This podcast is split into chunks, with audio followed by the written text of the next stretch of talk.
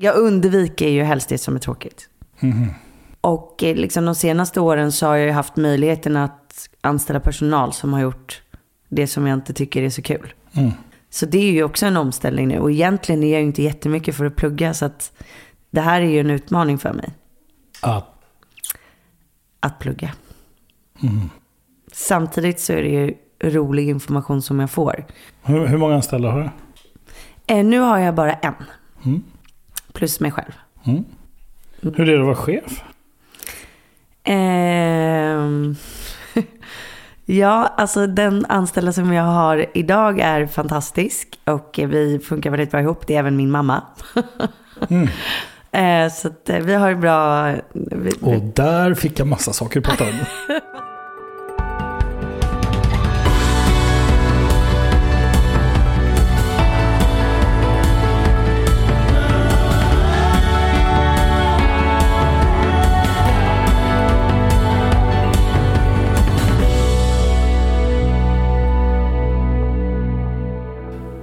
Hur, hur känns det att vara här? Ja, det, det är ju lite... Det är en konstig situation egentligen. Man går ner i en liten lokal. Fyra människor som sitter tajt runt omkring en. Som man aldrig har träffat innan. Och så ska man svara på massa frågor. Mm. Och få till en härlig konversation. Och egentligen har man ingen aning om någonting. så det är lite så som att kasta sig ut i, i det liksom okända. Mm. Men det gör jag gärna. Ja, är inte det typ du? Jo, det känns faktiskt så. Men för mig är det lite vad livet handlar om. Om jag inte liksom kastar mig ut, då känns det inte som att jag får uppleva nya saker. Mm. Och det är det som jag får så mycket energi av. Mm. Hur skulle du beskriva dig själv idag?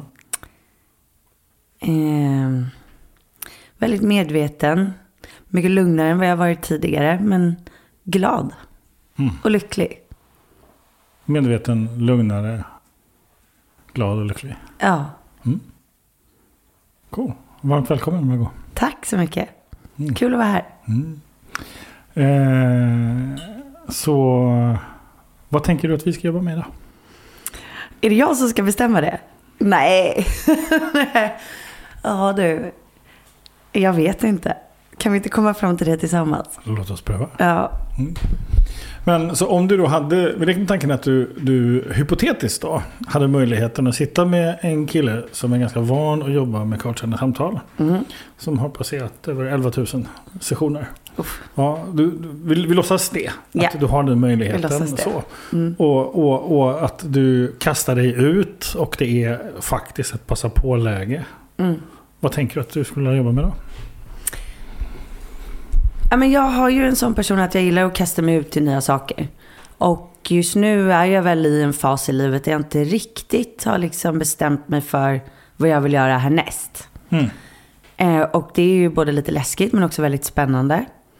Eh, men det gör ju att jag med min personlighet eh, gärna liksom kastar ut tusen olika trådar och sen har jag lite svårt att liksom knyta ihop säcken. Mm. Förstår du vad jag menar? Mm.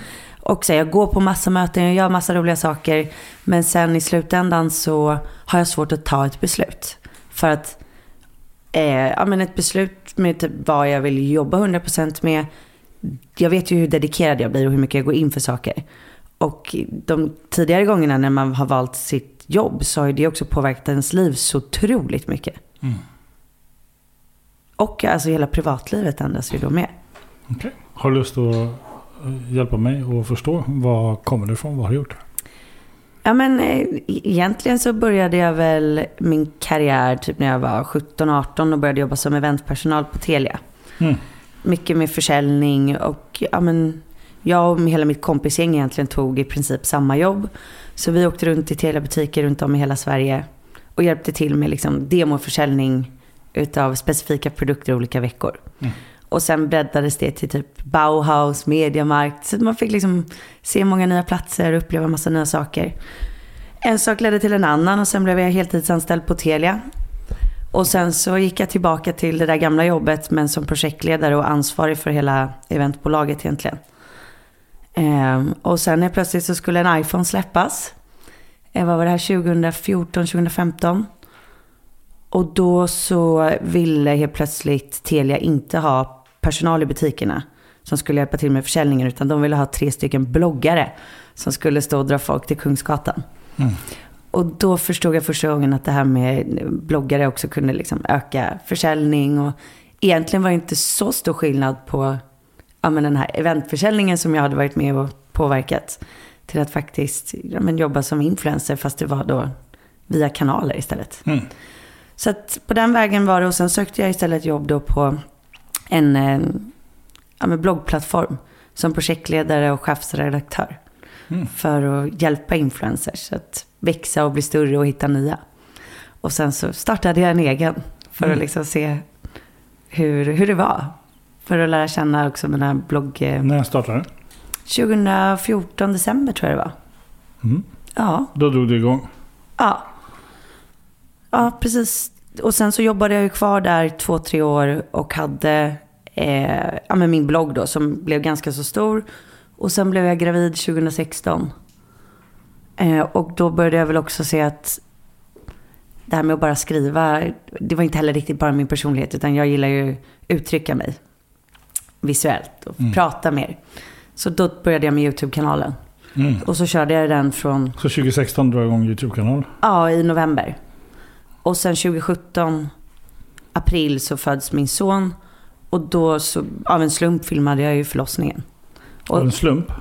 ja, men jag råkade ha med mig kameran och så gick vattnet när jag var på väg och skulle hämta babysängen. Mm. Och då var det liksom lite så här, det gjorde ju inget ont för vattnet gick ju, verken hade inte kommit igång. Och eh, någonstans så säger jag gillar att dela med mig när saker händer. Mm. Alltså jag har alltid tyckt om det. Eh, och det får mig också inte fokusera på det som kanske komma skall, utan gå in i liksom något annat. Och, Mm. och sen så ja, fortsatte jag med det hela natten.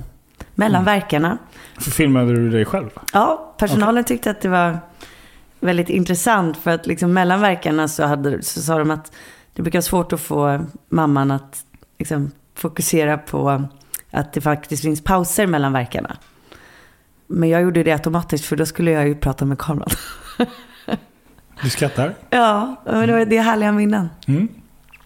Alltså det är ju förlossning, alltså föda barn, det är Men ju var den det största här dagen i liksom livet. realtidsfilmat, direkt sänt live-tv eller? Nej, Du, du, du filmade?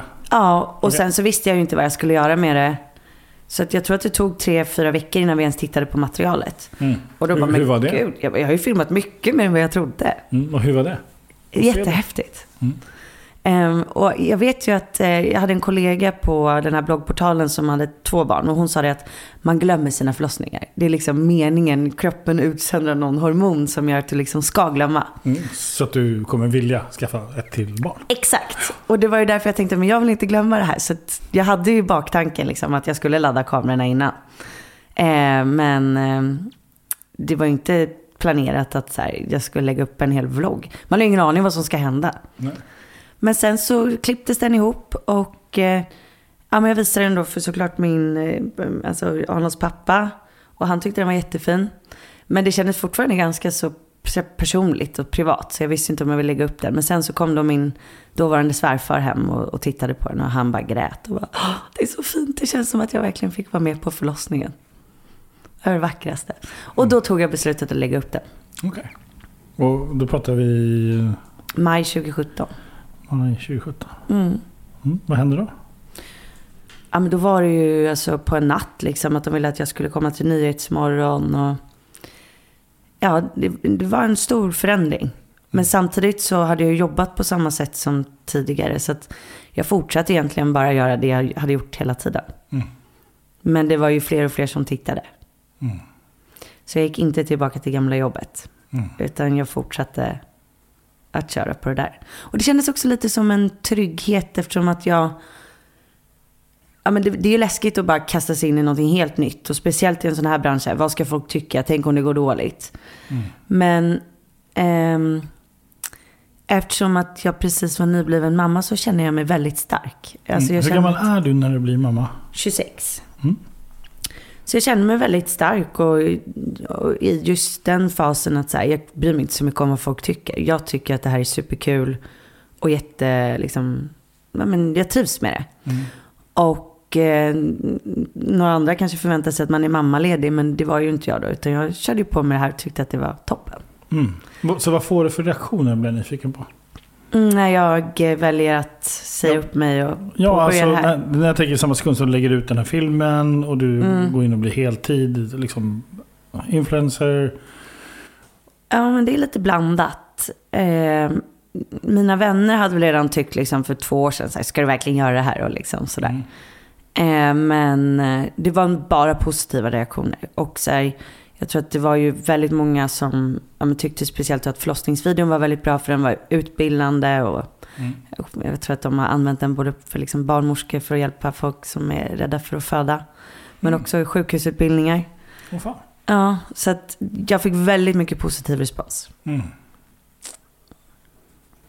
Vilket var väldigt härligt. Bara positiv respons? Ja, jag tror faktiskt att jag typ bara fick Wow. positiv. Mm. Det ser inte riktigt ut i sociala medielandskapet nu som det gjorde då. Mm. Så vad är skillnaden då nu?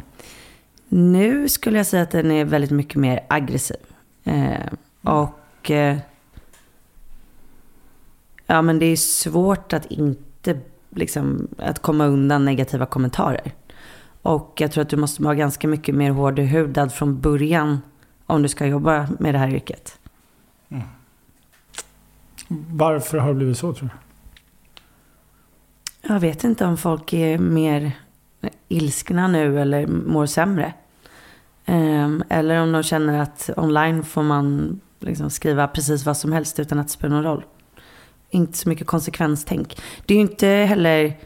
Alltså jag har ju väldigt svårt att tro att de här människorna som sprider så mycket hat på nätet faktiskt skulle göra det så här, Mm. IRL. Mm. Alltså, när man ses. Mm. Okej. Vad tror du? Eh, ingen aning. Eh, he- hela den här världen med sociala medier känns väldigt främmande för mig. Mm. Eh, ja, det är kanske är en generationsfråga. Eh, vad man ska vara på. Eh, Mm. så. Eh, väldigt ytligt. Som väldigt mycket annat tycker Mm. jag. Det här. Eh, jag tänker att hela det är ett tecken på att vi kanske inte har det så bra. Nej. Så, vi människor. Mm. Och jag skulle nog hävda att det mesta som syns, både det som läggs ut eh, och reaktioner på det som läggs ut, är ett uttryck för att vi, eh, vi behöver någonting helt annat i livet. Mm. Ja, och jag har ju varit så inne i det senaste åren. Och varit med och, och skapat den här världen, känns det som. Mm. Och eh, att få lite distans från den har varit väldigt nyttigt. Och jag ser det ju från en, en helt annan vinkel nu än vad jag gjorde för ett år sedan. Just det. Och så här, jag har ju alltid sett det som mitt arbetsredskap. Och nu senaste tiden så har jag ju valt att inte jobba med det på samma sätt som jag gjorde för ett år sedan. Just det. Och det är ju, jag ser ju, det, det är som natt och dag för mig. Att vara mer utav en konsument än någon som sitter och liksom har det som ett jobb att sälja saker och få fler följare och ser det liksom som sin, eh, Mm. sitt kall i livet liksom. Mm. Och eh, det, ja, som du säger. Ja, man ser ju det liksom. Mm, folks aggressiva kommentarer och det som läggs upp. Det är ju inte det ärliga livet. Nej. Tyvärr. Även om man tror att det är det när man lägger upp det. Mm. Så är det fortfarande ett urval av så mycket som du väljer att lägga upp. Vilket egentligen inte då är en rättvis... Så vad hindrar dig från att vara den personen idag i sociala medier? Att eh, visa allting och som jobba lever, som... som, som visar det ärliga livet. Jo, men det har jag ju alltid gjort. Men grejen är ju att du väljer ju ändå vad som är det ärliga livet. Och det finns ju alltid andra saker som du kan lägga upp. Det är alltid ett val vad du ska lägga upp. Mm. Och det är också som vissa har sagt, så här, ja men hur, eh, du har, liksom lagt hela ditt liv till sociala medier. Hur har ens tid att vara med din son? Man bara, ja fast det tar ju mig en timma per dag att göra det här materialet. Och jag har ju ännu mer timmar per dag som jag kan utnyttja och vara med min son på. Mm. Eftersom att, Upplever du att du kan bli anklagad för det? För att du... Ja, absolut. Men man kan, det finns mycket att bli anklagad för. Men eh, det gäller ju att inte ta åt sig. Och jag tror att det är ju igen här att folk mår inte så bra bakom sina skärmar. Mm. Och det är så lätt att kasta ut sig liksom, elaka kommentarer eller Ja, eller känna sig avundsjuk. Jag skrev tre stycken barnböcker 2008 när jag blev pappa. Eh, som, som var pappaböcker och som Mm. var fotoböcker. Så för barn i åldern tre år. Eh, en bok som heter Pappa hämtar. Den är hämtar min dotter på dagis. Ja. Godnatt Tyra och då är det så här. Mm. Och, eh, och berömmet, det var, det var mest tidningarna som tyckte det var cool. Liksom en pappa som skriver barnbok. Så. Men Mm. kritiken jag fick, det var ju bland annat då att jag utnyttjade min dotter Ja. för att tjäna pengar på att göra böcker. Man tjänar ju så mycket på barnböcker. Extremt mycket Exakt. Ja, Det är det. ja. Jag tror totalt 8000 kronor jag har tjänat Ja. på barnböckerna. Så att, Mm. Jag har också skrivit barnböcker nämligen, så jag, jag vet. jag förstod det. Ja. Ja. Ehm, mm. Ja, så vad tänker du att du ska göra härnäst? För, för det, jag har två beställningar. Ja. Det ena är vad ska jag göra härnäst? Ja. Som du nämnde. Och eh, det andra är eh, jag har svårt att ta beslut. För mig, och för mig är det två helt olika saker. Mm. Ehm, ehm, du verkar ju inte ha haft svårt att ta beslut förut. Nej, men det en, jag känner att det finns så himla många möjligheter. Mm. Så att det är inte att jag liksom känner att det är ett problem. Jag, snarare att det finns för mycket roliga saker jag vill göra. Mm. Och sen har det också varit lite den här, ja men jag har jobbat 24-7 egentligen varje dag. Sen jag började med det här. Eh, och eh, jag har haft lite svårt för att försöka vara lite ledig. Och typ kanske unna mig själv nu att så här, under några månader att ta det lugnt och Mm. känna in liksom. Hur har det gått? Nej men, Nej, men jag blir ju mer och mer stressad av att inte göra någonting. Mm, vad kommer det därifrån? Idén om att vi måste ha det där. Man måste ta det lugnt. Den är intressant alltså. Ja, vad är det? Jag vet inte. Och så säger alla, men ta det lugnt, unna dig lite nu. Det är ju som mammor som är höggravida och säger till dem så här, men njut nu av att eh, innan ungen kommer liksom. Det är ju det, är det sista man vill i det läget. Exakt. Mm. Den är intressant. Ja, Mm. så det finns så mycket att göra. Eh, svårt att ta beslut. Och vad ska du göra härnäst? Vad tänker du? Vart är du på väg? Oj, förlåt. Mm. Ja, men, eh, jag började jobba med ett bolag för två år sedan redan. Eh, alltså som jag startat själv. Mm. Som är ändå hyfsat nära en lansering. Tillsammans med några andra tjejer då. Inom typ, du behöver inte beskriva allt men Kvinnlig hälsa kan vi säga. ja. Ja. Mm. Eh, och vi närmar oss ändå en lansering.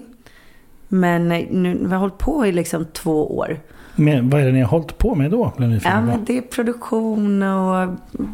Ja, jag, får, jag kan inte säga för mycket bara. Nej, nej, fattar. Eh, men, Ni har förberett. mm, Ja. förberett, precis. Mm. Och eh, det är jag ju supertaggad på. Det ska bli jätteroligt. Men samtidigt så känner ju jag att jag hela tiden vill utvecklas. Alltså utveckla liksom både men, mig som person. Eh, men också ja, men, nya saker att jobba med. Förstår du? Jag har svårt att förklara det. Jag vill utmana mig själv. Mm. Och sen Så, är det så, ju du en... ska, on. så du ska starta ett bolag Mm, som ligger i lanseringsfasen. Mm. är förberett och klart. Snart kommer den. mm, Eh, Du vill utveckla dig själv som person. mm. Eh, och eh, du funderar på vad du ska göra härnäst. Du har svårt att ta beslut. För det finns så mycket roligt att göra. Så vad mer? Ja, jo, jag har börjat plugga också. Ja, får jag fråga vad du pluggar? Eh, ja, jag har pluggat till licensierad kostrådgivare. Mest för att jag tycker att det är jättekul och jag älskar ju med träning, hälsa, vad vi stoppar i oss och vad man kan göra typ för att leva längre. Mm. Eh, men det har jag ju för att det är kul. Men det var ju också en sån grej som jag så här, funderat på. fråga, gör du någonting som inte är kul? Nej. Borde, jag, borde jag ha tråkigt? Nej. Nej. Nej, jag bara, jag bara, du, du sa det som om, som om det var ett argument. Ja. För licensierad kostrådgivare, som att du gör det för att ha kul. Det, Ja, men- jag, jag tycker jag hör att du gör allting för att du För- tycker det är kul. Ja, det är sant. Ja. Men eh, just det här så gör jag det liksom för att jag tycker att det är så intressant för mig själv. Det är inte, jag har inget liksom slutligt goal med vad jag ska ha det till. Sen så tror jag absolut att jag skulle kunna använda det i nya bolaget. Men, men det har också varit vet, så här, man letar kurser. Ett tag var jag inne på att jag ville bli barnmorska. Men så bara, nej det tar fem år. Det kommer inte, och det tålamodet har jag liksom inte riktigt. Det är liksom det mest fantastiska yrket jag kan tänka mig. Eh, och det har ju varit sedan dagen jag födde. Att så här, det är liksom någonting jag brinner för. Men jag har inte det tålamodet. Så att jag tar den här kursen istället för 120 timmar. Så licensierad kostrådgivare istället för att bli barnmorska. Ja, men så kanske man kan eh, volontära eller ställa upp på något sätt. Jag vet inte hur svårt det blir att bli... Jag blir nyfiken på vad händer när du tvingas göra saker som du upplever som tråkiga? Eh, ja, men då gäller det ju att jag verkligen sitter fokuserad och tar bort telefon och allting. Annars så är jag inte så bra på det. Jag undviker ju helst det som är tråkigt. Mm. Och eh, liksom de senaste åren så har jag ju haft möjligheten att anställa personal som har gjort det som jag inte tycker är så kul. Mm. Så det är ju också en omställning nu. Och egentligen är jag ju inte jättemycket för att plugga. Så att det här är ju en utmaning för mig. Att? Att plugga. Mm. Samtidigt så är det ju rolig information som jag får. Hur, hur många anställda har du? Eh, nu har jag bara en. Mm. Plus mig själv. Mm. Hur är det att vara chef? Eh, ja, alltså den anställda som jag har idag är fantastisk. Och vi funkar väldigt bra ihop. Det är även min mamma. mm. Eh, så att eh, vi har bra... Vi, vi... Och där fick jag massa saker att prata om. Vad sa du? Där. Och där fick jag massa saker att prata om. Ja. ja. Eh, så det funkar ju väldigt bra. Ehm, men innan så, det är svårt med personal. Tycker jag. Mm. Och det är helst någonting som jag skulle undvika framöver. I alla fall vara HR-ansvarig. Mm. Alltså HR-ansvarig? ja, precis. I mitt du, bolag. Du, menar att jobba med andra människor? Ja, men jobba, ja. Jag tycker det är svårt. Mm, vad är det som gör att du tycker det är svårt? Eh, jag gillar ju frihet. Alltså känna att jag inte kanske behöver vara på kontoret, inte behöver ge massa uppgifter, inte behöver kontrollera vad alla gör hela tiden. Men jag vet ju också att det är det som krävs ifall att du ska vara en, en bra chef. Vad, vad, hur, vad händer då för dig i relation till att vara mamma och ordet frihet? Det är, jag har inte känt någon typ form av begränsning som mamma när det kom till friheten. För det är ju en begränsning på något sätt. Ja, men jag tror snarare att jag har tagit med min son i det här lite fria och att vi... Ja, men vi, vi, vi har en, jag tror att vi gillar det på samma sätt. Sen är han lite mer strukturerad än vad jag är och, och gillar ordning och reda. Men, Hur gammal är han? Fem? Eh, sex och ett halvt. Sex och ett halvt. Men det är, en, det är en väldigt bra balans liksom. Mm. Eh, och sen har jag ju varannan vecka. Mm. Eh, så att det är... Nej, det, det, har inte varit några konstigheter. Så hur, så hur, funkar det då för dig att liksom ha den här varannan vecka när du har honom? Mm i relation till ordet frihet? Ja, men det funkar väldigt bra. Men sen så, och det här har jag ju fått öva på att liksom, ja men hämta, ha strukturen, att liksom göra samma saker varje dag. Eh, det har ju varit lite komplicerat då och då, men så här, ja, jag har jobbat på det. Mm. Mm. Kan du, skulle du kunna tänka dig, följande tanke då, att det kanske är så att de här två veckorna, olika veckotyperna faktiskt är bra för dig? Ja, jag tror nog det. Att ena veckan så är det struktur och du faktiskt är ganska ofri för du måste hämta ungen på dagis ja. eller på förskolan vare sig du vill eller inte. Ja. ja. ja. Kanske en och annan taxi ibland men... ja. Tror du det? Nej, men, Nej. Allt är möjligt. Liksom. Ibland, ibland tvingas man ju. Alltså det är ju svårare att ha en exman än att ha barn varannan vecka skulle jag säga. alltså om vi ska prata frihetsmässigt. Mm. Eh, men vi, det funkar väldigt bra också. Det har, det har varit katastrof, men nu funkar det bra. Mm. Mm. Okay. Så, vad mer då? Vi måste hitta mer här. Eh, vad du ska göra härnäst. Du som har svårt att ta beslut säger du. ja men det är okej, men nu när du säger sådär så låter det nästan konstigt. Men svårt att ta beslut, kanske snarare svårt eller att jag kan få lite sån här panikkänsla av att känna att tänk om jag missar någonting. Tänk om jag liksom väljer fel beslut. Mm. Tänk om jag tar det alternativet som inte är rätt. Okay. Nu blir jag nyfiken. Vad har du för relation till ordet kontroll? Jag gillar kontroll. Nej. Folk tror att jag är tvärtom. Att jag liksom tycker att det är härligt att inte ha någon kontroll. Men jag har nog extremt kontrollbehov. Mm. Tror jag. Vad tror du? Vad tror du att jag tror? Jag tror att du tror att jag tror att du tror att jag har det. Ja, så Ja. Då, kanske vi kan Enas um, enas och umgås kring Mm. kontrollbehovet. Ja, jag Ska gillar vi inte... snacka om det? Ja, det kan vi. Mm. Så vad handlar det om ditt kontrollbehov? Varje? Jag har faktiskt inte mm, någonsin ens funderat på det. Ska vi göra det? Ja. Mm. Så, så vad är kontrollbehov? Hur, hur kommer det till uttryck hos dig? Eh, nej, men jag gillar att veta vad som ska hända, kunna planera om runt det. Och jag gillar inte när någon ändrar planer så mycket. Eh, och det kan liksom störa ganska mycket, speciellt ifall att eh, känslomässig kontroll. Förstår du vad jag menar då? Ja. Eh, Jag förstår, men vad menar du med känslomässig kontroll? Ja, men ifall att någonting inte går som det ska, typ i en relation, så kan jag bli lite så här, få panik och vilja lösa det på en gång. Och ifall att det inte löser sig så blir jag liksom väldigt upprörd. Kan vi hitta ett konkret exempel? Ja, men säg att jag, eh, en kompis är sur på mig. Mm. Så enkelt skulle det kunna vara. Och eh, jag till exempel då vet att jag har gjort fel. Och då, jag en sån, då tar jag upp det på en gång, försöker lösa det. För att om jag inte gör det så mår jag väldigt dåligt. Mm.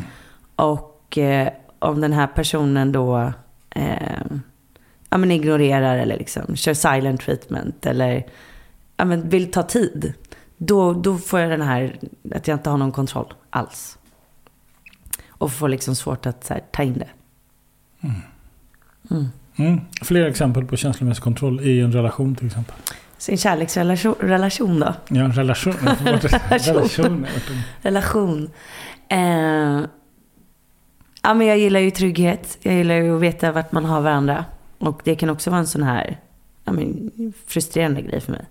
Jag gillar bekräftelse så att man liksom känner sig trygg. Mm. Det är kanske därifrån det kommer. Ja, jag blir nyfiken. Du har nämnt att din mamma jobbar hos dig. Vad gör din pappa? Eh, han jobbar på Taxi Stockholm. Eh, ja, de är inte skilda, eller de är inte skilda, de är inte gifta. Mm. De skilde sig när jag var 19 tror jag. Mm. Hur hänger det ihop med ditt kontrollbehov? Mm, Om det hänger ihop med ditt kontrollbehov. ja, men det kanske det gör. Eh, men jag vet faktiskt inte hur. Mm. Vad tror du? Vad tror du att jag tror? Sluta nu. Jag tror att du tänker att det är daddy issues. Nej, inte alls. Det var Nej. verkligen inte den jag tänkte. Mommy issues. Det är inte den jag tänker alls. Jag tänker att är man, eh, växer man upp Mm. och är tonåring så har man stort behov av båda sina föräldrar. Och du har nämnt din mamma, inte din pappa. Därför blev jag Mm. nyfiken på det. Mm. Men eftersom du då för daddy issues på tal ska vi prata om det. Ja, det kan vi göra. Nej, men jag tror mamma tog väl mesta lasset hemma eh, när jag var liten. Och eh, ja, men eh, pappa var inte hemma så här jättemycket. Eller han tog liksom inget, han hämtade inte och lämnade på förskolan och sådär. Men jag älskar ju honom och ville hela tiden kanske få den här bekräftelsen som var lite svår att få. Okej. Och den söker jag väl fortfarande. Okej. Mm. Fram tills några år sedan tror jag. Ja, men nu är det bättre. Mm. På vilket sätt är det bättre? Ja, men jag skulle säga att vi har en mer mogen relation och har pratat om det som har varit. Mm. Så, så relationen mellan dig och din pappa är reglerad? Ja, Och ni har liksom pratat om det? ja, Om upplevelsen som frånvarande förälder, kan det vara så? ja exakt. Okej. Mm. Och vi har lite olika syn på det. Men så är det väl alltid i relationer att det finns två sidor. Så, så vad är det du, du hade behövt hos, liksom, hos honom då? Som representant för det? Ja, jag tror att av pappa hade jag nog behövt en, en mer närvarande pappa. Och, V- vad är det? men någon som visar uppskattning. Vad är det? Kanske läser läxorna med en eller går ut och äter Så, en så att lunch. läsa läxor med dig. Kvalitetstid. Häng, häng kvar. Så Ja. att läsa läxor med dig Mm. är att visa närvaro.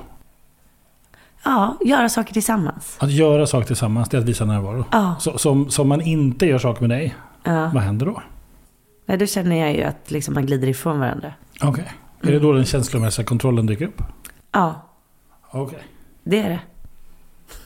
ja. Okej. Du vet, nu fick jag också en sån här liten polett som trillade ner. Mhm. Mm. Det var det för polett som trillade ner, Margot?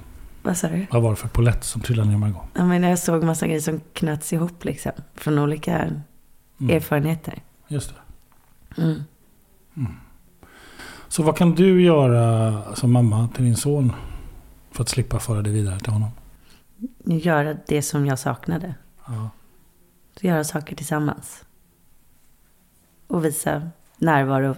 Men sen är också alla är olika. Men jag tror att det kanske är exakt det jag gör också. Det är precis det som vi gör tillsammans. Och det kanske det är då som att jag övergör det. Eller jag vet inte.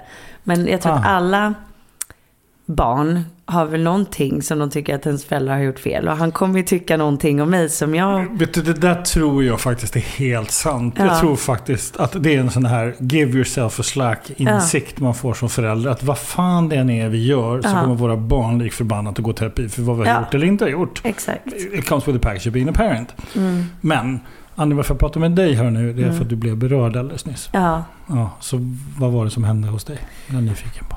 Ja, men jag blev också, jag blev väldigt berörd för att mm, det blir också väldigt svart på vitt för mig. Allt jag gör tillsammans med min son. Jag lämnar ju aldrig bort honom typ om jag ska gå och fixa naglarna eller liksom. Ja men vad som är, även att det är någonting som jag vill göra. Så gör vi det tillsammans. Eller om det går till lekparken eller om vi ska gå på bio med hans eh, flickvän. Mm. Eh, så, så gör vi det liksom tillsammans. Eller hänger tvätten eller liksom lagar middag. Mm. Så att jag tror att jag fick bara en sån här, ah, det, det är för att kanske jag har saknat det då. Just det. Mm. Så vad heter han din son? Arnold, Arnold. Så vad behöver Arnold? en, två närvarande föräldrar. Mm. En mamma och en pappa. Hur vet du det? Ja, men det antar jag att alla barn behöver, sina föräldrar närvarande. Han är sex och ett halvt. Ja. Vad skulle hända om du frågade honom? Eh, om jag frågar honom, vad behöver du? Mm. Ja, tar jag honom i rätt ögonblick så skulle han ju nog vara väldigt känslig och berätta. Mm. Men eh, annars så, Skulle han, han är väldigt ironisk av sig. Skulle du kunna lyssna? Ja. Jag ska fråga om jag hämtar honom idag. Jag tänker att jag skulle vilja skicka den med Mm. dig. Att, Mm. att, att ha det, kanske inte bara att du frågar honom idag. Mm. Utan att du kanske frågar honom varje söndag. Ja, Jag vet inte när ni byter. fredagar. Ja. Att du på fredagen, istället för att du har planerat hela veckan Ja. för allting som han ska göra med dig. ja. Jag kanske anar att jag är lite på on point här. Mm. Ja. Ja. Inte riktigt. Nej. Okej. Nej. Men, att- men att fråga honom, vad behöver du Mm. den här veckan? Mm. Helgerna har vi oftast varsin dag. Mm, Han bestämmer en, jag bestämmer en. mm, fint. Mm. Mm, Hur är det? Det är jättemysigt. Mm. Så, ehm, ja men typ vi umgås en dag med hans kompis och sen en dag med min kompis. Mm. Det blir bra. Och då har man också en sån här respekt mot varandra. Det är mysigt. Det, det finns ju en risk. Mm. Bara så, efter, alltså jag bara säga den, inte för Ja. att jag tror att det är så. Men jag skulle vilja liksom bara slänga in den. Det finns ju en risk att den här 6,5-åringen som ju vet att varannan vecka så är han utan sin mamma. Mm. Och varannan vecka så är han utan sin pappa. Att han också försöker kompensera för det. För barn Mm. har en tendens att vilja göra det. Mm. Eh, eh, att vara noga med att han inte gör så här. För att han tror att det är så du vill att det ska vara. Aha. Ja, så fråga kanske någon gång extra liksom. Ja, Ja. eh, och, och, och liksom omvandla den frågan. Vad behöver du? Inte till att det Mm. blir en, en självutplånande fråga som förälder. För Nej. vi behöver vara föräldrar och sätta gränser och säga ja och nej och så. Men att vara nyfiken och att egentligen ha det filtret. Ja. Så, och att fundera på liksom, var befinner sig Arnold just nu? Vad Mm. behöver han? Mm. För att separera sig själv från det. För det väldigt, Mm. det är väldigt lätt att överföra sina egna behov Mm. på barnet. Och barnet kommer ju allt det kan för att svara på det. Ja. Så. För det ligger i barnens natur. Ja. För att ha kvar sin förälder. Ja. Och det här blir ju extra tydligt när, när båda föräldrarna till exempel har separerat. Mm. Så. Ja. Jag bara skicka med den tänker Ja. Ja, det, du har ju säkert 100% rätt. Och eh, jag. Alltså, jag, Inte jag i alla ju- fall. Inte i alla fall vill jag vara tydlig med. Jag, jag, det det finns ja. en, ibland sådana tendenser. Och då ska man vara lyhörd för det tycker jag. Ja. Som förälder. Nej, men jag vet ju, vi hade ju några där vi inte hade liksom en bra relation. Och jag märkte på en gång på Arnold liksom att... Jag inte att han försökte överkompensera, men liksom att han försökte skydda den ena föräldern mot den andra. Mm. Och liksom, han var ju bara fyra eller något sånt där. Och det, det, var, ju, det var ju en ångest liksom. Mm. Eh, så de är ju mycket smartare och tar in mycket mer än vad man tror. Ja, man och man. Men, Ja. man och man. Ja. Mm, så vad ska du göra härnäst? Ehm, Mm. Svårt att ta beslut pratade vi om. Vi börjar där. Mm. Du har så mycket fantastiska saker att göra. Vad, vad, vad är det för saker du ser framför dig? Ja, men nu Det är bolaget. Ja, det ska bli riktigt kul. Och eh, där kommer det ju förhoppningsvis bli en, en stor del liksom som jag behöver, ja, men som, som kommer vara 100% jobb. Mm. Sen har jag plugget, Mm. kursen. Och sen håller jag ju på och flyttar. Okej. Ja, så vi flyttar in i en ny lägenhet här i slutet av oktober. Mm. Så det ska bli kul. Och sen så är det väl mest att jag, eh, ja, men jag, jag, skulle, jag, jag vill göra någonting som är lite mer meningsfullt. Vad menar du med det? Jag vet inte. När du sa det så lyfte du händerna Mm. hjärtat. Mm. Vad, är det att göra något meningsfullt? Ja, men jag brukar ha något typ av projekt varje år som jag liksom brinner för, som jag tycker är kul. Och i år har jag inte riktigt något sånt. Okej, något ideellt projekt menar du? Ja, exakt. Okej. Eh, Så att jag försöker hitta rätt. Och jag har ju märkt att eh, jag måste liksom eh, vara tydlig med att sätta deadlines till mig själv. För att annars blir det ju att allt bara rasar liksom. Att jag inte kommer någon vart. Jag hörde det du inte har repeterat men som du sa förut. Som jag lägga till. Du sa, att, du sa också att jag vill utvecklas. Sa. Mm. Och jag vill utmanas. Vad menar du med det? Har du gått i samtal förut? Mm. Mm. Hur länge då? Ehm, ja, men kanske fyra, fem olika coacher slash psykologer. Okej. Både grupp och individuellt. Bra. Mm. Mm. Grattis. Tack så mycket. Ja, det borde alla få göra. Ja, det har faktiskt varit jätte, eh, väldigt bra. Speciellt den här grupp, eh, gruppsessionen har varit väldigt intressant. Mm. Och skönt. Mm. Lyssna till andra och liksom få en gemenskap. Det var väldigt läskigt först, men också väldigt Mm. bra. Det, Mm. bruk, det brukar vara bra. För då blir man påmind om att man är inte varken störst eller minst på jorden. Nej. Utan man kanske är en helt normal vanlig människa. Mm. Exakt. Ja, och ibland är det bara skönt att sitta och lyssna på alla andra. Mm. Mm. Och så får jag ett lugn av det. Mm. Mm. Nu kom det igen. Ja, Lugn. lugn. Händerna upp. Så. Ja, förlåt. Vad... Hur mycket av det här handlar om att få kontakt med sig själv? Mm. Funderar jag på. Det är det jag associerar din, liksom hur du rör dig till. Mm. Det, det här. Det här. Ja, men jag gillar ju att känna liksom att jag tränar, att jag rör på mig. Mm. Jag älskar ju sån här breathwork. Jag gillar ju meditation på morgonen. Sådana saker som får mig att känna mig väldigt närvarande. Jag tror att jag är en person som har lätt att ja, men, söka mig efter kickar. Vilket gör att jag känner att behovet av att hitta närvaron också är nästan ännu viktigare. Så att jag tror att ju mer jag liksom försöker göra sånt som ja, men, laga en middag två timmar. Det typ ger mig lugn och härlig energi. Mm. Jämfört med att eh, ja, men, sånt som jag får snabba kickar av funkar inte riktigt lika bra. Längre. Nej. Och eh, det är det jag mår bra av. Mm. Så att jag utvecklas och Ja. blir ännu mer medveten om så här, vad får mig att må ännu bättre. Mm. Så vad, vad är... För, för, för att jag tänker så här, du, du ska flytta, du har koll på plugget, du har koll på bolaget du ska pyssla med, har koll på... Du, Mm. du har koll på det. Eh, och har dina professionella planer. Du vill Mm. göra någonting ideellt, du sitter och spånar kring vad du ska pyssla med. Mm. Fair enough. Mm. Jag hör ju någonting annat ja. Du hör något annat? Ja, Vad hör du för något? det är eh, liksom Vem är Margot version 2.0. Ja. Mm. Så, så vad är ditt nästa egentliga steg Margot? Mm. Vart är du på väg? Den är jag nyfiken på.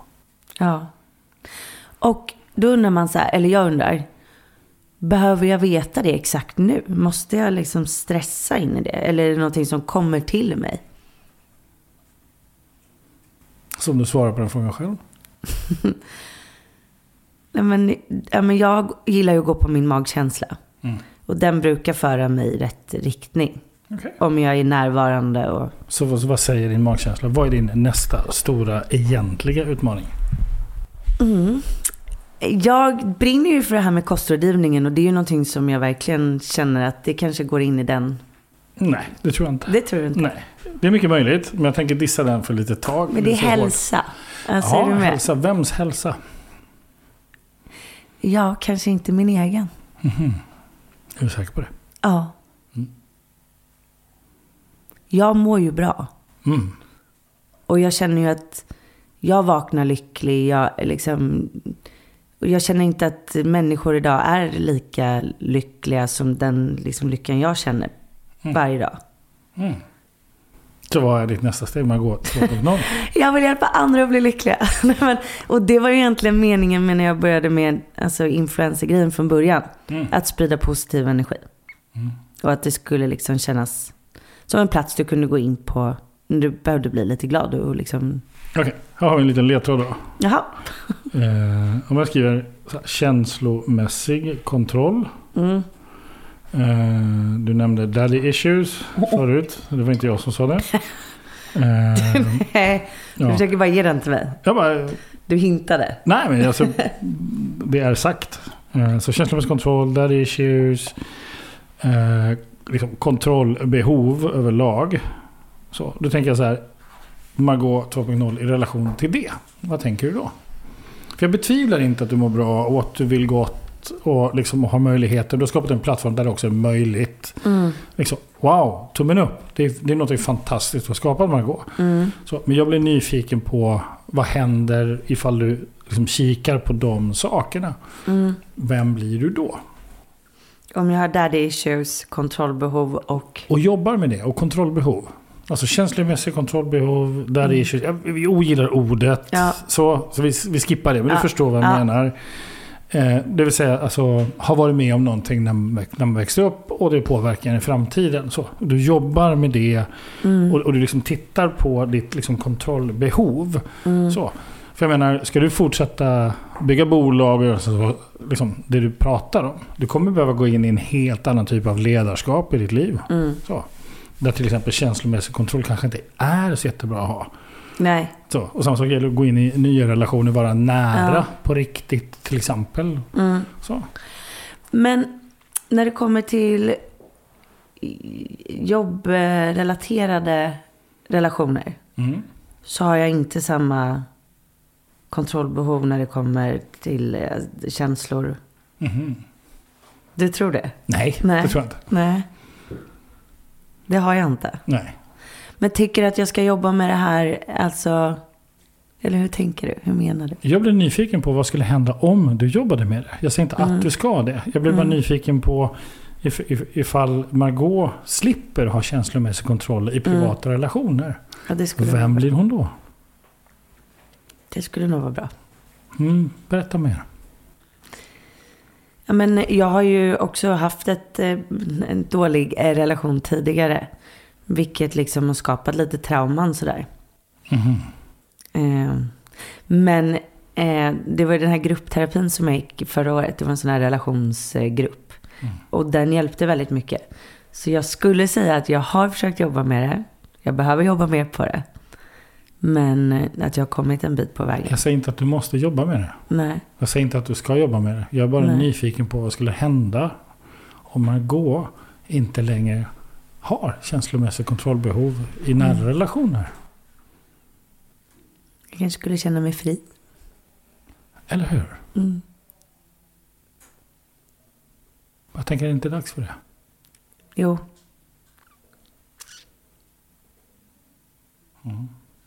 tänker jag stanna där. ja. Du, vad tar du med dig efter samtalet idag? Margot? Det var ett jättefint samtal. Jag vill träffa dig igen.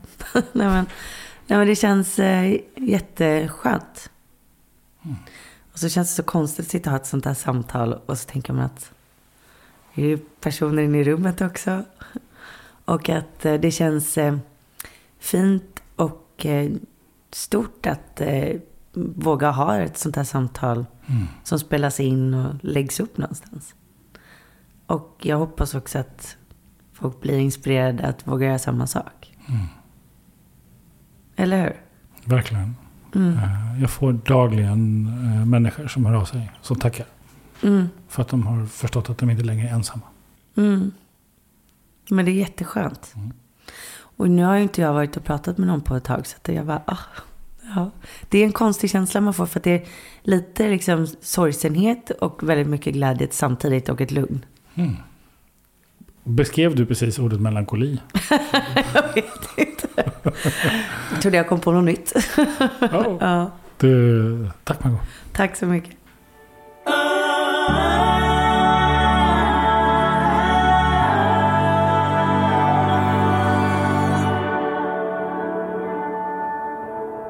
Du har precis hört mig, Alexander, coacha ännu en människa. Och jag blir nyfiken vad som hände hos dig när du lyssnade på det här avsnittet. Passa på att ta det här tillfället i akt att stilla dig en stund. Skriv ner, reflektera. Vad var det som gick igång hos dig? Vad var det du lärde dig? Vad var det som blev viktigt för dig? Hur kan du använda det i din vardag? Sen hoppas jag att du kan hjälpa mig att sprida den här podden till fler som du tänker behöver den.